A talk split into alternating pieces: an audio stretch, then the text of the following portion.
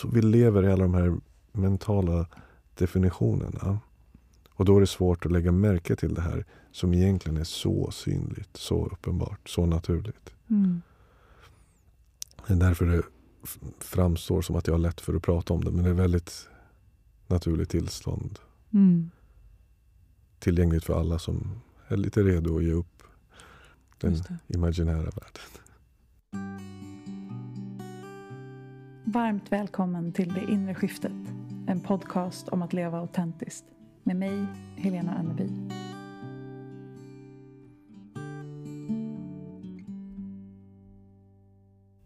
Hej vänner. Välkomna tillbaka. Idag sitter jag här med en gäst igen. Igen säger jag, det var snart ett år sedan du var här senast. Men eh, Navid Sargam är här med mig idag. Välkommen! Tack, tack Helena. Underbart att få vara här igen. Jag har längtat. Ja! Och jag, eh, jag, tror att, jag tror jag har sagt det i podden tidigare, att jag trodde nog att jag skulle ha fler gäster tidigare. Men jag följer min egen intuition och jag har inte blivit guidad till det. Och jag har jättemycket att prata om själv. Men vad gäller just de här samtalen, om det som det viktigaste som finns och som också är helt oviktigt, så eh, blev jag ganska nyligen guidad igen till att bjuda in dig till att fortsätta prata non-duality. Vilket också är ironiskt, för det är så svårt att prata om det. Precis. Men vi ska göra ett försök. Ja. Vi får se vart det här samtalet vill flowa. Ehm, men jag tänker, jag vill gärna bjuda in dig till att landa oss lite här. Bara en kortis. ja, det blir spännande. Jag tänkte nämligen bara göra så som jag landar själv oftast. Mm. Och så får jag ta över där och Kör. kör någon minut av landning. Så det som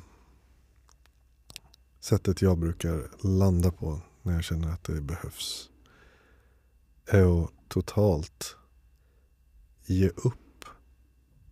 Och det för mig är att scanna nuet av främst min egen kropp och energier och mind. Se om jag försöker någonting. Och även om jag ytligt kanske har bestämt mig för att sitta ner och slappna av så kan jag se att det finns appar eller energier under det lagret. Som fortfarande försöker någonting. Så det jag gör då är att scanna mitt system och det kan vi göra tillsammans nu. Kolla igenom din kropp och ditt mind. Och hela din varelse, vad du nu än kallar den. Och säg till alla delar du hittar, alla spänningar, alla förväntan, all hopp. Att bara ge upp för en stund. Vänta inte på någonting. Hoppas inte på något. Förvänta dig inte någonting. Försök inte trycka undan någon känsla men försök inte heller skapa en annan. Bara ge upp för en stund. Och när vi har gett upp allt vi kan ge upp så finns det någonting kvar.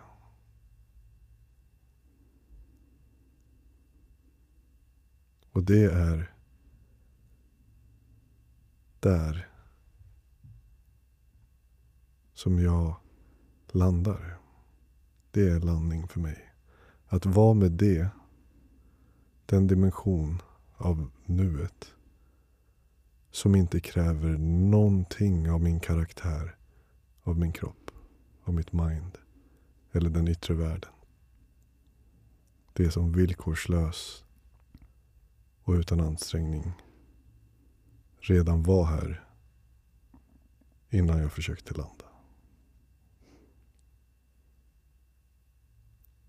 Så. Tack. Tack själv. Det är så spännande. Det som händer blir så här. Ja, okej då. There's nothing more to say. Då var vi klara med dagens Ja. avsnitt. Tack och hej. men jag tror att eh, det som eh, varför jag blir guidad till att bjuda in dig igen är ju för att jag har en längtan av att eh, jag vill säga bjuda in, men det är ju fel ord. Liksom fler till det här fältet eller bara bidra till pekandet till det här. Mm. För jag tror att det är så många som bara längtar efter det. Och jag tror, eller det här är jag nyfiken på att höra utifrån ditt perspektiv, men jag tror ändå så att de, de allra flesta människor vet ju vad det är och de har upplevt det. Men det är som att man tror att det är väldigt onåbart. Ja, det är ju vårt naturliga tillstånd. Och det är inte ens ett tillstånd, men det mm. finns ett tillstånd i vår karaktär som resonerar med det här. Mm. Det är ungefär som när man tittar på havet så uppnår ett visst, eller det, kroppen hamnar oftast i ett visst tillstånd. Eller ett antal olika. Och när man tittar på rymden på natten, när man kollar på stjärnorna så upp, finns det olika tillstånd som kroppen svarar med mm. i de här aktiviteterna. Och när vi blir medvetna om vår, av den sanning som vi pekar på här. När man blir medveten om sig själv, sin djupaste nivå så svarar kroppen med ett väldigt naturligt tillstånd som känns som hem. Mm. Som känns som där allting började. Så som vi var när vi började utforska världen och livet. Så det känns otroligt naturligt. Och jag skulle snarare säga att det är så naturligt så att det känns som ingenting. Det. Utan det är bara att ha varit borta från det. Att levt i en förnekelse av den här dimensionen av sig själv som är så tungt. Och när man väl, precis, min reaktion var precis som din. Så fort jag upptäckte det här, min första reaktion var att jag vill dela med mig. Mm. Ja, det, det, känns som, som en så otroligt fin upptäckt att hålla för sig själv. Mm. så jag förstår exakt vad, vad, du menar med det där. Även om det är väldigt svårt att prata direkt om det. Ja så är det det mest naturliga som finns och den, din reaktion är det mest naturliga som finns. Och vem som än här som lyssnar på oss som upptäcker det kanske till och med idag så kommer det vara deras mest naturliga reaktion när mm. de har mm. upptäckt att skicka det här till någon. Ja, ja verkligen. Och jag tänker det, jag vill bara också hänvisa tillbaka till som sagt, du var med, jag tror att det är avsnitt 33, om man vill höra liksom mer lite om både min egen upptäcktsresa och din och lite mer av din historia och sådär, um, så kan man gå tillbaka och lyssna på det. Men det jag är nyfiken på, och nu har jag också börjat liksom leka med att guida människor till det här eh, på lite olika sätt. Och precis som du sa nu, så är ju det som man, när man ska försöka beskriva det, så beskriver man ju symptomen i kroppen på mm. att man känner så här, jag ser någon energi och jag känner mig avslappnad och sådär.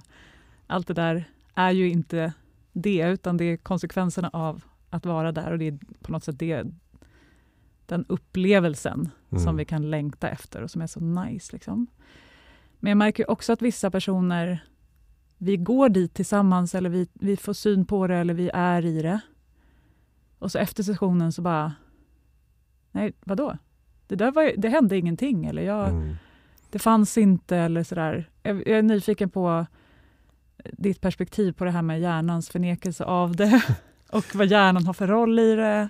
Ja, och jag personligen använder inte ordet hjärnan så mycket för den känns Nej. ganska oskyldig. Mm. Men i, som en, ett program som körs av vår hjärna skulle jag kalla egot och den har väldigt många ansikten i varje person dessutom. Men om vi generaliserar vår självbild och vårt intellekt i någon typ av sam, samarbete. Det, det som du förklarar att när man har uppenbarligen haft en upplevelse av den här klarheten, kommit i kontakt med det här djupet av sin being. Och sen efteråt så kommer mindet då, om jag, om jag får använda det ordet, och, och säger nej men det var väl ingenting, jag bara slappnade av och det är ju samma sak som händer egentligen efter en vanlig natt. Där mm. mindet har varit borta under hela natten. Och det är tack vare det som det var en skön natt. Men den vaknar upp och säger Jag hade en skön natt. Mm. Jag sov bra. Men mindet var ju borta. Mindet var inte med under en bra natt, så är inte mindet med alls. Men den går upp och tar åt sig äran för den bra natten som var. Och det är lite, det är för att den inte vet vad som händer på natten. Det finns ingen tid i upplevelsen, det finns inga kommentarer, det finns ingenting nedskrivet om natten. Ingenting som intellektet håller på med var med under natten och ändå går den upp och tar åt sig äran. Mm. Och det är för att den kan inte titta mot sömn. Sömn är avsaknaden av mind. Och en riktig non-duality revelation, det vill säga när vi upptäcker, när vi klarheten om non-duality sker bortom mindet. Så när mindet sen kommer tillbaka så gör den säger vad som passar sig bäst. Antingen säger den ja, jag var där och såg non-duality, vilket inte heller stämmer. Mm. Eller så säger den nej, det hände ingenting. Och det, det är helt enkelt vad den kan göra. Den Mm. kan inte göra så mycket bättre än så. Båda, båda reaktionerna är egentligen inte sanna. Vare sig den säger åh, jag var där och såg evigheten avslöjas i mig. Mm. Stämmer egentligen inte riktigt heller. Men även om den säger nej, det hände ingenting, jag såg ingenting. Det stämmer inte heller. Det var bara att det, den, det var det den får med sig. Mm. precis som efter en natt. Så vaknar man och säger ja, jag hade två drömmar, sen så sov jag djupt. Nej, du var inte med. Nej. Och, och I och med att vi i vår kultur är identifierade med det här mindet, den här rösten som kommer tillbaka och säger, så är det här ganska provocerande för vissa. Det jag Mm. säger att den delen av vår personlighet får inte vara med på det här riktigt. Den kan inte följa med överallt. Mm. Å andra sidan, så alla våra favoritstunder i livet är när den inte är med. Mm. Och det kan vara allt ifrån djupsömn som sagt, men det kan vara att vi reser någonstans för första gången, ser en otrolig utsikt och sen så, som man säger på engelska, mind blown. Mm. Eller under, det kan vara drogrus, alkoholrus, dans, när mindet, man dansar bort hela mindet. Det kan vara under orgasmer, det kan vara under kundalini, religiösa upplevelser, allt möjligt. Men de stunder som vi älskar mest är ju när den här Mm. rösten och intellektet oftast tar sin sits och sätter sig åt sidan och någonting avslöjas bortom den. Mm. Sen kommer den tillbaka och säger jag gjorde det. Just det. Men, Ja, men jag tror att det är det som jag... Alltså, det är ju ganska få år i mitt eget liv som jag verkligen har tillåtit mig själv att leva mer och mer beyond the mind. mm, Och precis som du säger, alltså att inse att livet eh, Eh, och upplevelsen av att få vara här i den här dimensionen och i andra dimensioner eh, det är det som är så otroligt rikt och coolt och häftigt. Men ehm, jag vill liksom bjuda in fler människor till att leva på det, tillåta oss att ha de upplevelserna utan att för, behöva rationalisera eller förklara eller, eller så. Ehm, men vad säger du till en person då som säger antingen som sagt att man har en så, starkt, så, så stark tankeverksamhet eller ego eller mind eller vad vi nu vill kalla det för, så att man helt blockerar och påstår att det inte har hänt. Spelar någon roll för det första, men sen också hur guidar du en person som liksom... ja, först och främst vill jag säga, som kanske också kom fram i för, förra avsnittet, Mm, att jag själv var så. mm, Jag, det enda, enda som jag kunde er, erkänna som sanningar var allt som mitt mind kunde förstå. just det. Det vill säga den vetenskap som passade mitt mind, den politik som passade mitt mind. Allt som mitt mind kunde förstå var det enda jag gav mig på och det enda jag ansåg finnas. Det är ungefär som att ha en miniräknare. En lite mer avancerad miniräknare. Men allt som får plats på den var min verklighet och allt som inte fick plats på den ville jag inte ens titta på. Det och för att försvara mig mot det sa jag att det inte fanns. Mm, Allt som inte fick plats, allt som inte gick att skriva i siffror fanns inte, sa jag. Och det var mitt försvar. Och när jag ser någon göra så nu så fattar jag att det har inte med eh, om, om upplevelsen är tydlig nog eller inte att göra utan det har med att man är av någon anledning väldigt attached till sin miniräknare, till sin intell- intellekt. Och I mitt fall var det väl rädsla. Mm. hade, som jag sa då, jag hade vuxit upp under ja, traumatiska förhållanden, både krig men också en viss association till det, det mystiska. I och med att jag flydde från islam i Iran. Hade en viss relation och association till det mystiska. Att det var någonting väldigt läskigt och obehagligt. Och ett sätt att hantera det var att sånt finns inte. Det finns bara det som får plats i min miniräknare. Och om jag då träffar en person, för att verkligen svara på din fråga. Om jag träffar en person som vill bli guidad av mig mot att upptäcka non-duality.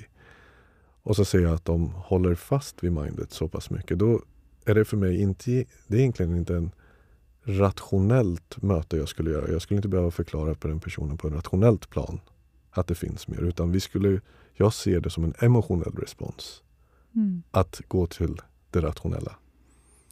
Så egentligen är det väldigt känsliga människor som, är, som har väldigt stora känslokroppar om jag säger så. Som tar in väldigt mycket som är djupt känsliga på ett fint sätt. Som har då, för att hantera allt det där, valt att filtrera väldigt mycket genom intellektet Mm. och det rationella.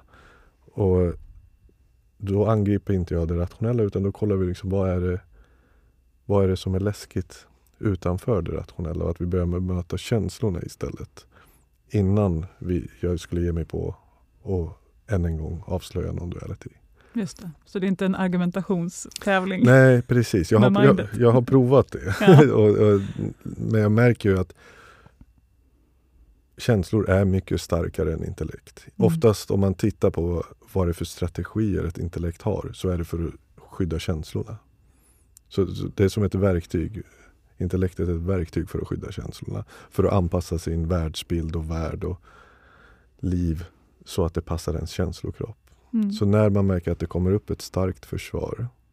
Och det kan vara i en själv. Det är inte, nu pratar jag faktiskt inte bara till Helena. Man kan hitta det i sig själv. Att man har ett starkt intellektuellt och rationellt försvar mot någonting. Så ska man inte gå på sina tankar. Det är inte det som är huvudplanen. Utan man skyddar egentligen känslor bakom alla de här argumenten. Mm. Så jag skulle med en sådan person skulle jag bemöta känslorna först i bakgrunden. Om de är öppna för det. Just det. För då kan ju det bli nästa eh, upplevda attack. Ja. Att här, först ska du säga att, all, att det finns saker bortom min hjärna. Och sen så ser du igenom det och så påstår du att jag har känslor. Liksom. Herregud, nu blir försvaret ännu högre. kan ju hända. Liksom. Och jag tänker precis som du säger, att det är det som är... Det är ingen som måste hit. Alltså, Nej. det finns inget... Eh, Nej precis. Och, och, och vill personen inte heller... eh, I, I mitt fall har jag aldrig träffat på någon som kommer till mig nej. för att bli guidad och sen inte gå med, gå med något steg åt något håll. Så, så att eh, eh, det har oftast varit väldigt ja, befriande sen. Att man man kanske till och med gör lite andningsövningar, gör lite breathwork, kanske lägger märke till att bara, ja, men det är ett spänt i mitt system. Någonting känner sig attackerat, någonting är inte tillfreds. Att man lägger märke till sånt och sen därifrån så har det helt plötsligt öppnat sig. När man, så fort man erkänner att det finns en rädsla Mm, så är den ju öppen egentligen. just det. Och då är ju ingången via kroppen. Exakt. Ja, för det är som jag, jag tror jag har nämnt i podden tidigare, men jag ser nog som, eller det är en av mina andra mentorer som pratar mycket om att så här, hjärnan kan bara project or protect. Mm. Alltså den kan antingen, när, alltså när det kommer upp till känslor, så Mm. antingen så kommer det upp en stark känsla och då kan hjärnan inte hantera den, så då försöker den kasta den på dig för att bli av med den, Mm. alltså projicera den.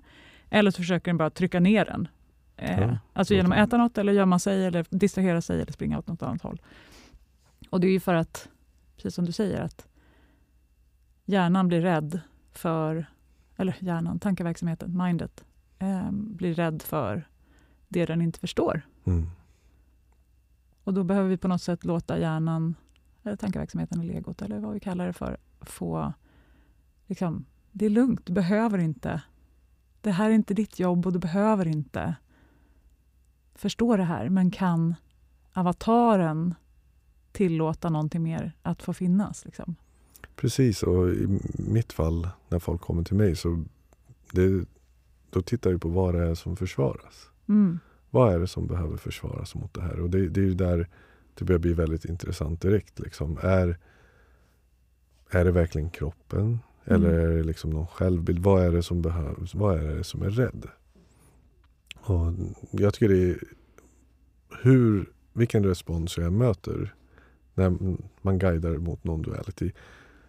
Så det, kom, det, är helt rätt sak som kommer upp och det blir också en ingång. Så om, om man upptäcker att oj, den här delen av mig är rädd och vi går mot den, mm. vi går mot att utforska den, så kommer man till slut till samma plats. Just det. Jag har än idag aldrig varit med om en privat guidning liksom, där jag guidat någon som inte efter max 15 till 20 minuter så har det här kommit fram. Även om den till en början någon som anser sig vara en väldigt skeptisk neurolog som bara tror på det rationella akademiska om våra hjärnor och medvetande och efter 20 minuter så finns det inte någon sån tanke kvar. För att den personen kan eh, ha också vi hittat en väg till för den att släppa sitt försvar. Mm. Mm. Och jag tror att det är det också som, som jag så gärna vill dela. Vi pratade lite om det förra gången också. Eh, om det här flowet och lita på livet och det som vill hända och att vi hittar våra vägar till det vi ska. Och det enda som kan hända det som ska hända är det enda som kan hända. det här blir väldigt... Eh, liksom, för det är bortom eh, non-duality och, och livets flow. Och, jag vet inte om det finns det en öppning här, någonting du vill ta tag i kopplat till att lyssna in och lita på att det blir som det ska på något sätt. Det är också ett Ja, eh, och det inkluderar att det ska kännas dåligt. Ja. För vi, ja. vi tror ju oftast om det blir som det ska säger vi som en tröst. Att, så att det som känns dåligt ska kännas bra. Men jag, jag ser det helst att det ska inkludera att det ska kännas dåligt. Alltså mm. Man litar på att det blir som det ska. Inklusive smärta, inklusive sorg, inklusive awkward moments och så vidare. Och att har man integrerat det att, att flow betyder inte alltid mina favoritkänslor. Nej. Eller favoritsaker. Utan flow inkluderar att gå i träsk ibland och, in, och vara i confusion ibland. Då, då blir det väldigt tydligt att allt sker precis som det ska. Mm.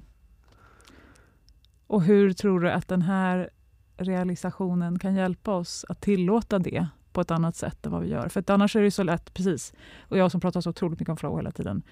Eh, jag tror att jag försöker vara tydlig med det, men eh, alltså just att det är skitsvårt att vara människa. Att leva innebär också smärta. Mm. Eh, och det kan fortfarande vara på rätt väg, även fast vi upplever det. Liksom. Är det svårt att vara människa? det är... Eh, jag upplever att det kan vara komplicerat, eller hur? I see what you're doing. Yeah. Eh, nej men alltså att, att, att navigera avatarlivet som, eh, som ett som mind. En ja, som ett mind. Ja, om du och identifierar i, dig själv. Med, I motstånd mot känslor så blir, blir det jobbigt. Så om du tar positionen av att du är ett mind mm. som ska kontrollera ett djur, mm. en hel avatarkropp. Oh shit. Och har en riktning i livet där det finns bra och dåligt. Och allt det här är påhittat. Du är inte en röst i huvudet. Och livet är inte på väg åt något håll. Men om du hittar på allt det, mm. att du är en röst i huvudet, livet måste gå åt ett visst håll. Då känns det komplicerat. Ja. Och dessutom så ska du helt liksom bestämma över ett djur som har både som är påverkad av allt ifrån mat, hormoner, planeter, energier, andra människor, kollektiva medvetanden.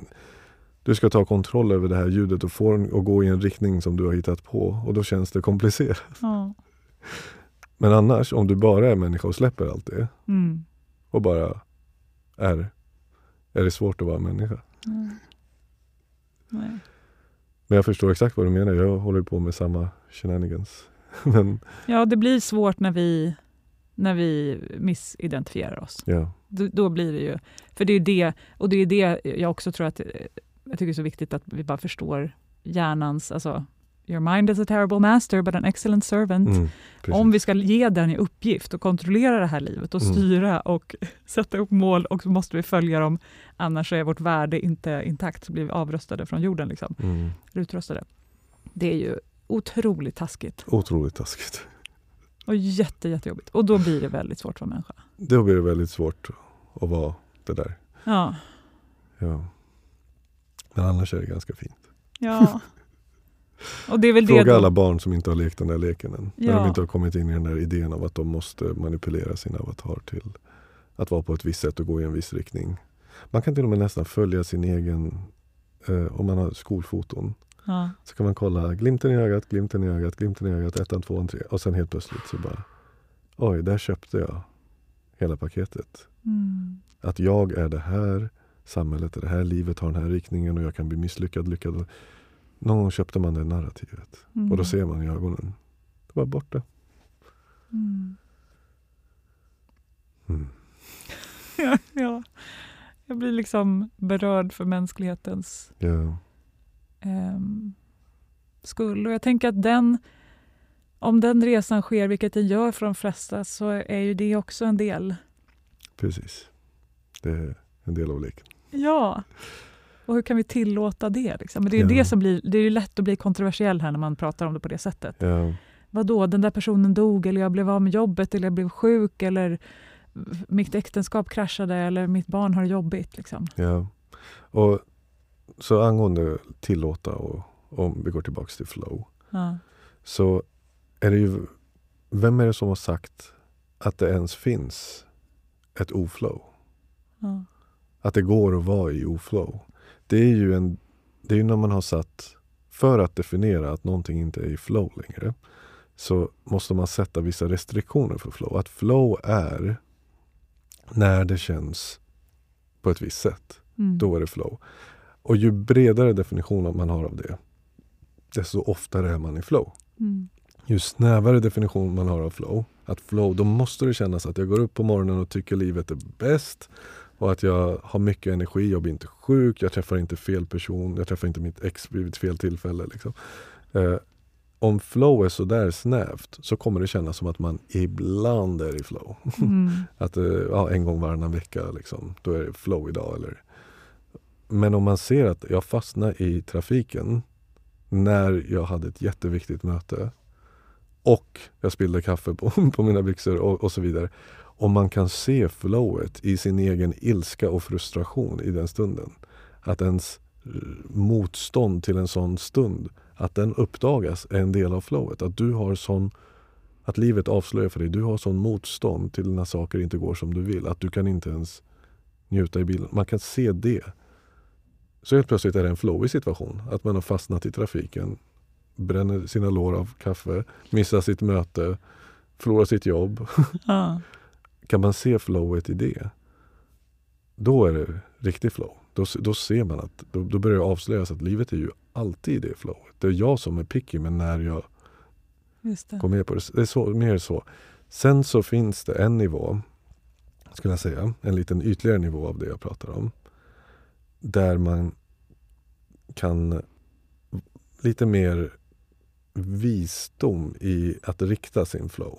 Mm. Och det, och det är lite svårare för mig att prata om. Det är ingenting jag normalt pratar om så mycket. Men det, det har jag känner från det lilla jag har hört när du pratar om intuition och, intuition och flow.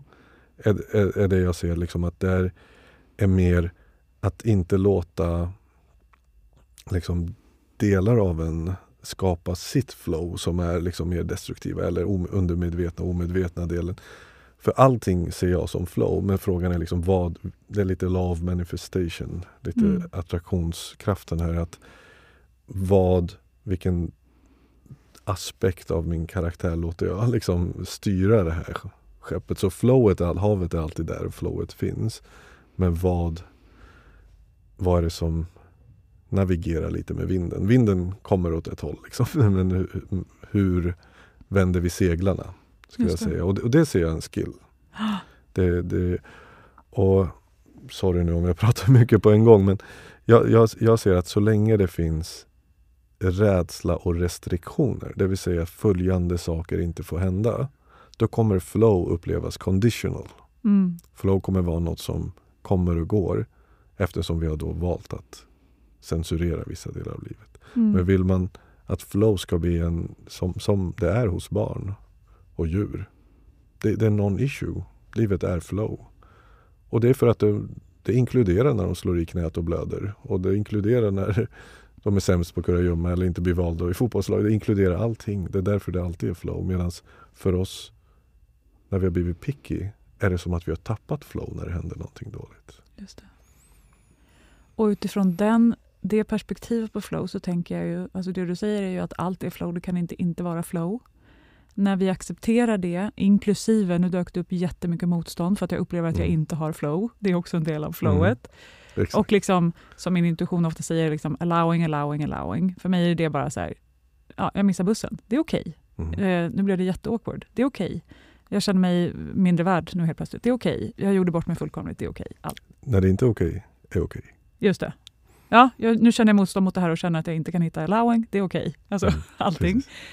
Då blir ju den naturliga konsekvensen, vilket är det naturliga flowet, blir ju att det där blir med mindre motstånd. Precis. Men vägen dit är ju via allowing av motstånd. Ja, och jag skulle, ja, nej men det, det, från så som, jag är inte lika bra på det här jag inte, och jag har inte lika fint sp- språk och jag har inte heller guidat andra så mycket i det här så, så som du gör. Det jag ser bara är att det jag känner igen är när det finns rädsla. Det är, Ja. det är för det jag känner igen. Och finns det rädsla så manifesteras det. Mm. Vilket är helt okej också såklart. Men eh, rädsla och flow går inte så hand i Nej. hand. Det, det, det, det, det, det, den, den här delen är det vad jag ser. Det är verkligen som visuellt Just det. Synligt för mig. Ja. Och se att jag kan se någon som säger att de är otroligt flow. Vi har haft så underbar dag. Da, da, da, da. Men jag ser att personen är skiträdd för att det ska sluta. Mm. Den här fantastiska dagen och flowet. Och det kommer det göra. Mm. För att det är ja, som love attraction. Det finns en rädsla där som är i rotchakrat som ligger där och väntar och den kommer snart börja manifestera sig. Just det. Och det är det som ska hända. Precis. Och, och tycker det här, det här har jag lärt mig av min flickvän som läser homeopati. Ja. Eh, hon säger att, för hon har visat mig väldigt fint att allt som kroppen gör, alla besvär, alla symptom, är kroppens bästa sätt att försöka läka sig själv. Mm.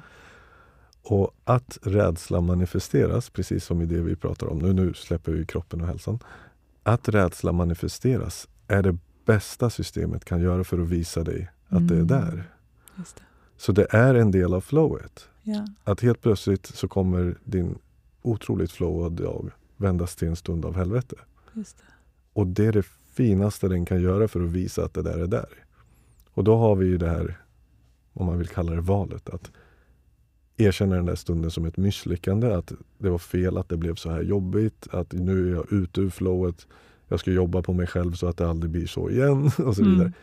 Eller se vad det är som försöker visas Ja. i den stunden och integrera det. Mm. Och jag tänker allt det här som vi pratar om nu, om någon sitter och lyssnar och bara får panik i huvudet för att det bara kokar, liksom, så är det ju anledningen till att vi pratar om det här och att vi sitter här är ju för att det är inte ditt mind som behöver hantera det här. Det är inte Nej. ditt mind som behöver förstå eller kunna, liksom, utan vägen till att det är skitsvårt att vara människa till att det är, Mm. är ju via non-duality.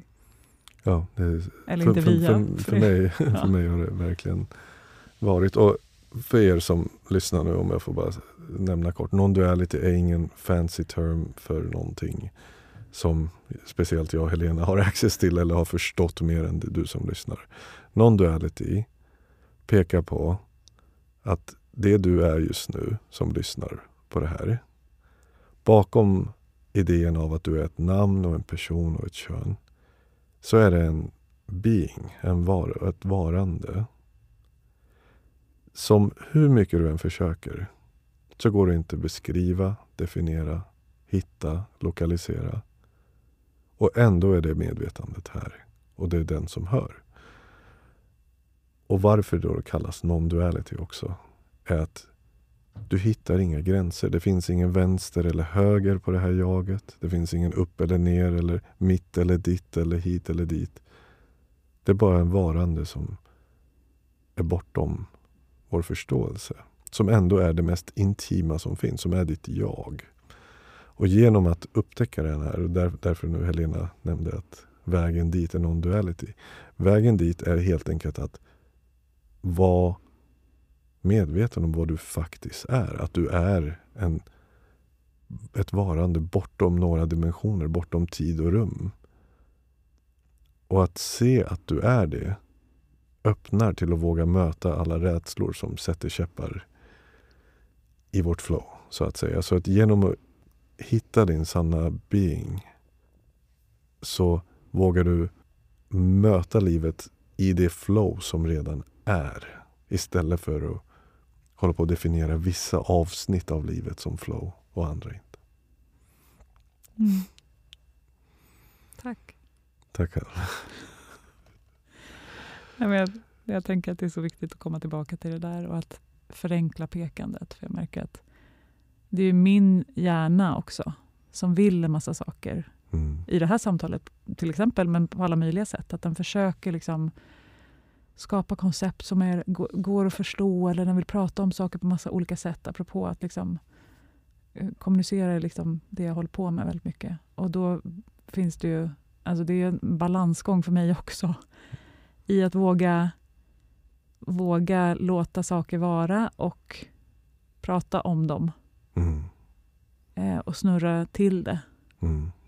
När det är, och det är därför jag tycker att du är en så fantastisk pekare. För det, det, är liksom, du, du använder ju olika ord vid olika tillfällen, men det, det, det är så, så enkelt, så enkelt, så enkelt som det kan bli. Ja, tack. Och det, är, det blir, och du är ju också, vad säger man, på väg åt samma håll som jag också är på väg. Mm. Det, till slut blir det synligt. Det är liksom, även nu när jag tittar på det medan vi pratar så ser jag både ditt mind, din kropp, din avatar men också bortom. Och jag ser vart vi pratar ifrån. Jag ser det väldigt tydligt, det kommer väldigt naturligt. Och det här finns i oss alla. Vi har bara vant oss med att fokusera så mycket på den här konsensus påhittade världen som vi kommer överens om. Det är måndag eller det är en veckodag, det är en tid, det är på väg, det här är bra, det här är dåligt, det här är utveckling, det här är bakåtsträva. Så vi lever i alla de här mentala definitionerna. Och då är det svårt att lägga märke till det här som egentligen är så synligt, så uppenbart, så naturligt. Mm. Det är därför det framstår som att jag har lätt för att prata om det. Men det är väldigt naturligt tillstånd. Mm. Tillgängligt för alla som är lite redo att ge upp den imaginära världen. Ja, och om vi ska eh, peka åt några sådana håll. Jag tänker som sagt, alltså du finns ju eh, på Youtube och du finns på Inside Timer och du har kurser och du håller klasser i Stockholm. Och, eh, man kan jobba individuellt med dig och sådär. Eh, rekommenderar verkligen Navids eh, meditationer på alla möjliga plattformar. Jag kan länka till det i poddbeskrivningen. Men bortom det då och andra non-duality-lärare som också finns, vad tänker du, vad kan man liksom göra som avatar i sin vardag om man på riktigt alltså så vill inkorporera, det är inget som ska inkorporera för det är där, men liksom mm.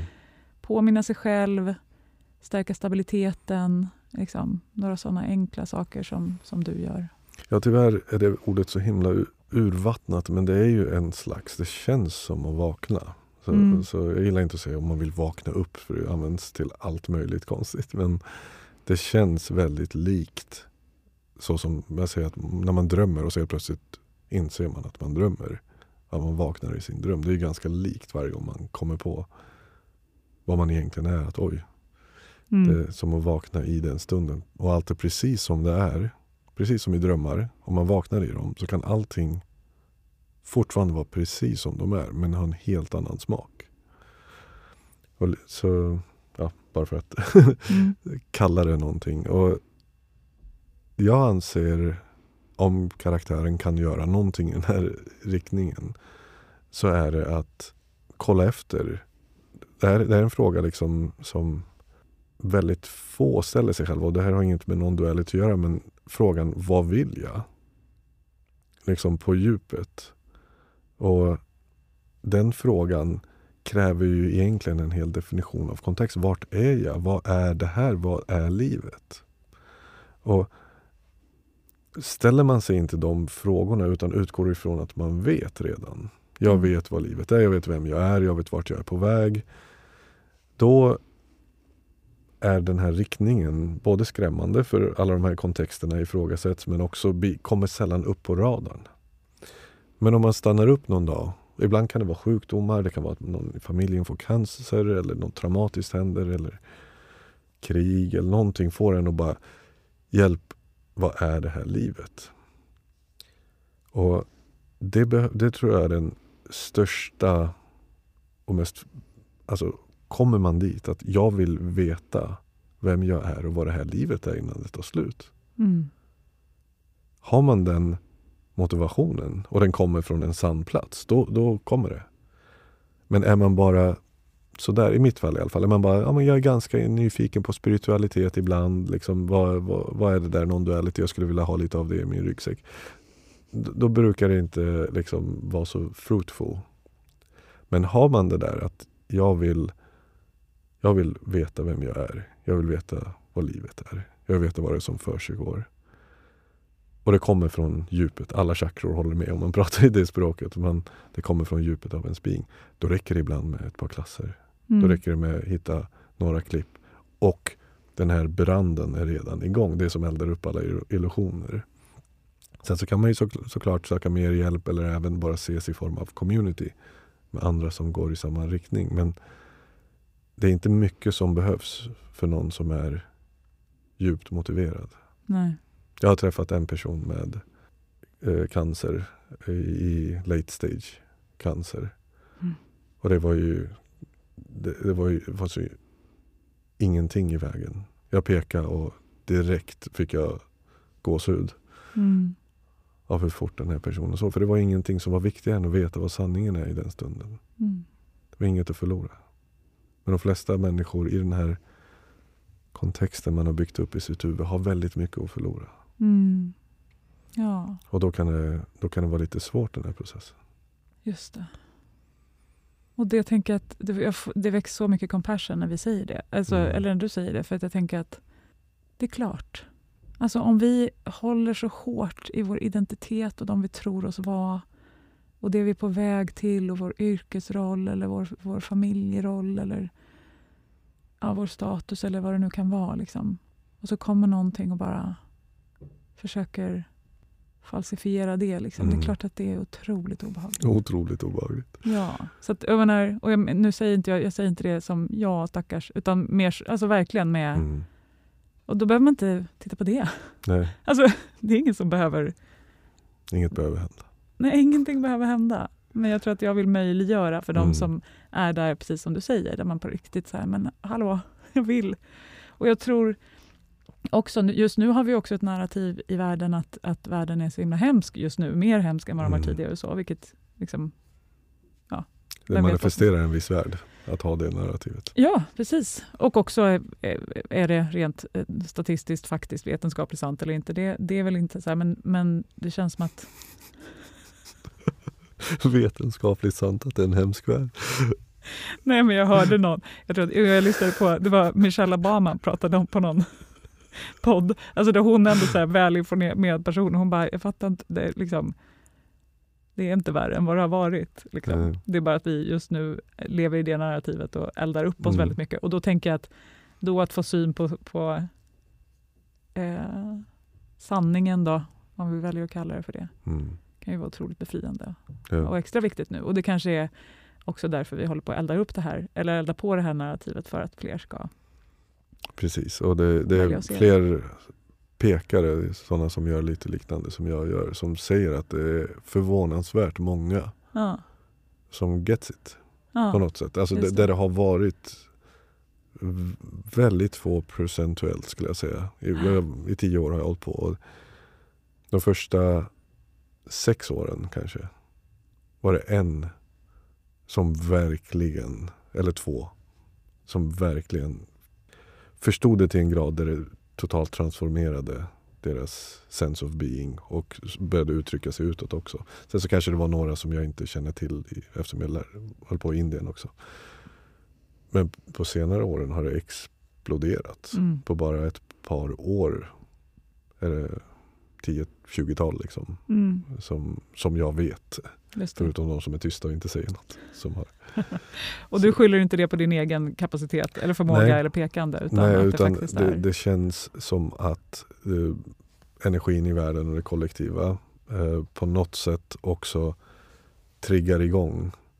Det, det är också liksom att eh, i, i samma veva som ångest och depression går in i yngre åld- ålder och det många som bryter ihop tidigare. Förut var det något man gjorde när man var 35. Liksom. Nu kan, Mm. kan folk bryta ihop och eller få 50-årskris. livskris. Ja men precis, 50-årskris och identitetskris. Vem är jag om inte min karriär och så vidare. Folk kan ha det när de är 17. liksom. och, Ja. och, och, så det, allting eskaleras lite grann och då att det här finns så tillgängligt också på social media och, och på olika plattformar. På något sätt har den kombinationen lett till att det är väldigt många som går djupt väldigt tidigt. Mm. Och det är, jag är tagen skulle jag säga senaste åren själv. För jag, Mm. hade dem, jag har ju fått mina föreställningar om hur livet och människor funkar också de senaste åren. Och jag har blivit så motbevisat på ett positivt sätt. Just det. Mm. Bara att vi sitter här två avsnitt Mm. på, på, på, ett, på ett år liksom, och försöker hitta något sånt för tio år sedan. Det är bara några enstaka personer som har varit i Indien som pratar om sånt här. Mm. Ja, Ja, hopeful. ja Fast inget behöver hända precis. och inget behöver förstås. Ja, vad pratar vi om egentligen? Vem är du? Är du här överhuvudtaget? Vem som helst som lyssnar kan just nu fråga ditt mind, vad pratar de om egentligen? Och du kommer säga att mindet inte har något svar. Nej. Nej, men nej, precis. Vi stryker under den att det här är ingenting som din hjärna behöver förstå. Nej. Och den är, det är ett beyond its pay grade. Den klarar inte av det. Så sluta försök. Är det någonting mer som vill säga som inte har sagts? Nej, jag känner mig väldigt, eh, ja, väldigt eh, nöjd med hur det har utspelat sig. Det var väldigt kul som vanligt att vara här med dig. Det är alltid flowiga samtal med dig. Mhm. Du räds inte för att gå i något, åt något håll, vilket eh, Nej. Känner jag bidrar till flowen. Mm. Det ska bli jättespännande. Och, eh, det känns som att mitt mind har rört sig in och ut ur det här samtalet. Mm. Och ibland försökt så här, vänta, vänta, och styra och veta och vad ska vi göra nu? Och ibland bara relaxed. Precis. Ehm, så det ska bli spännande att, att höra vad som faktiskt sades. Ja, Eh, och vi lita fullkomligt till att det det flowet, det är Ja. det som ska hända, som alltid precis. förstås. Och om ni vill ehm, eh, reflektera eller känna in kring det här på något sätt så kan ni kontakta både mig och dig också. När vi Ja, på precis. Jag tror att jag är mest aktiv på Instagram nu faktiskt. Men jag fanns ju på alla Simran- plattformar. Simran. Meditation Precis, Simran Meditation. på Instagram. Ja. Ja. Är det någonting du vill, eh, något, någon plugg du vill lägga in för någonting som kommer? Någon, något retreat eller någonting? Mm, nej, jag, vi lämnar det där så får vi se vilka det är som är nyfikna nog att titta Mhm. vidare. Mm, Det är lite mer mystiskt sådär. just det. Men det finns, finns grejer för de som vill djupdyka i det här. Ja, verkligen. Ja, som ni förstår, eftersom Navid är den enda gästen som har varit i den här podden och som nu är tillbaka, så kan jag varmt, varmt, varmt rekommendera hans pekningar. Och karaktären också. Tack så mycket. Väldigt nice person. Ehm, som sagt, om ni vill veta mer så ligger alla länkarna i poddbeskrivningen. Och ehm, med det sagt, tack för att ni är här. Tack för att ni lyssnar. Tack för att ni gör det inre jobbet. Och tack för att du är du. Med all min kärlek. Vi hörs snart igen. Tack, tack. Om du är nyfiken på coaching, intuitionsarbete, mina böcker, onlinekurser eller vad som är aktuellt just nu så hittar du mig på Instagram under Helena Onneby eller via min hemsida helenaonneby.com. Signa gärna upp dig för mina love letters via länken i poddbeskrivningen och kom ihåg att prenumerera, dela och recensera podden om du gillar den och vill att fler ska hitta hit.